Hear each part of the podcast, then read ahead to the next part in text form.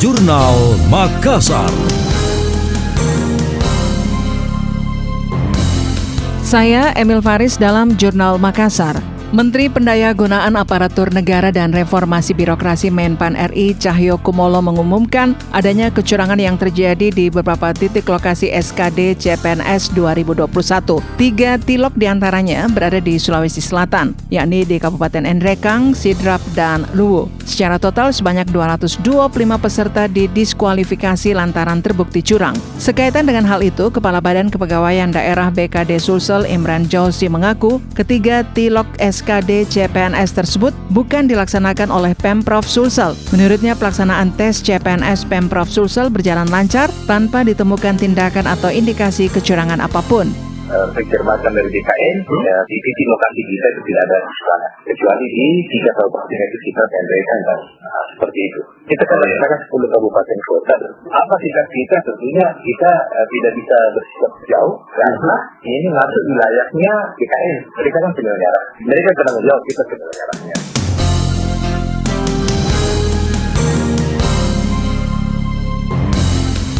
Sebelumnya Badan Kepegawaian Nasional BKN Wilayah 4 Makassar menegaskan kecurangan terjadi bukan di lokasi pelaksanaan SKD Pemprov Sulsel. Hal ini juga berdasarkan pencermatan yang dilakukan BKN selama pelaksanaan tes. Belajar dari pengalaman ini, Pemprov sebagai pelaksana akan berupaya secara maksimal agar ke depan kecurangan tidak terjadi. Kendati demikian, Pemprov setuju dengan rencana BKN melakukan penindakan secara tegas bagi yang terlibat, sebab kecurangan tersebut masuk dalam tindakan yang fatal yang mencoret wajah ASN.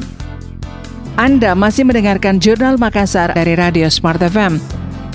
PT PLN Unit Induk Wilayah Sulawesi Selatan, Sulawesi Tenggara, dan Sulawesi Barat mendorong penggunaan listrik dapat menyentuh berbagai sektor produktif, khususnya di Sulawesi Selatan. General Manager PT PLN UIW Sulsel Rabar Awaludin Hafid menyebut cadangan daya listrik di Sulawesi Selatan saat ini tergolong cukup besar, yakni mencapai 584 MW atau MW. Pihaknya ingin mengoptimalkan cadangan daya tersebut bisa dimanfaatkan di segala sektor, seperti pertanian, perikanan, perkebunan, UMKM, UMKM hingga industri. Guna mewujudkan hal itu, PLN menggandeng Pemprov Sulsel untuk bersinergi mendorong para petani di Kabupaten Maros bisa beralih menggunakan listrik. Kerjasama bertajuk Electrifying tersebut tertuang dalam nota kesepahaman yang ditandatangani langsung PLT Gubernur Sulawesi Selatan Andi Sudirman Sulaiman.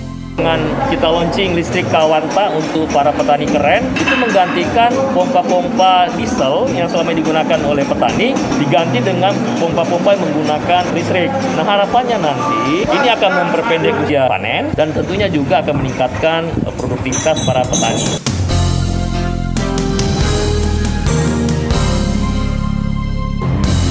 Tidak hanya pertanian, PLN juga mendorong penggunaan listrik di sektor rumah tangga. Caranya dengan menyosialisasikan kompor induksi untuk memasak. Selain biayanya murah, kompor induksi diklaim akan menekan emisi karbon. Di sektor UMKM, PLN mulai menyalurkan bantuan CSR berupa smart gerobak atau gerobak niaga yang seluruh peralatannya berbasis tenaga listrik. Semua lapisan masyarakat kita lakukan approach pendekatan. Kita memperkenalkan yang namanya kompor listrik, kita memperkenalkan yang namanya kendaraan listrik karena listrik sudah harus menjadi gaya hidup bagi masyarakat modern. Listrik tersedia 24 jam dalam sehari di masing-masing rumah tangga.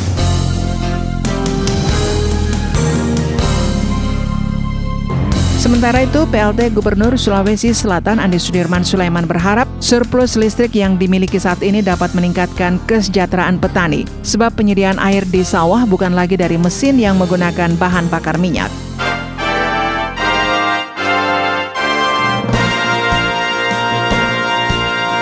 Demikian tadi, Jurnal Makassar.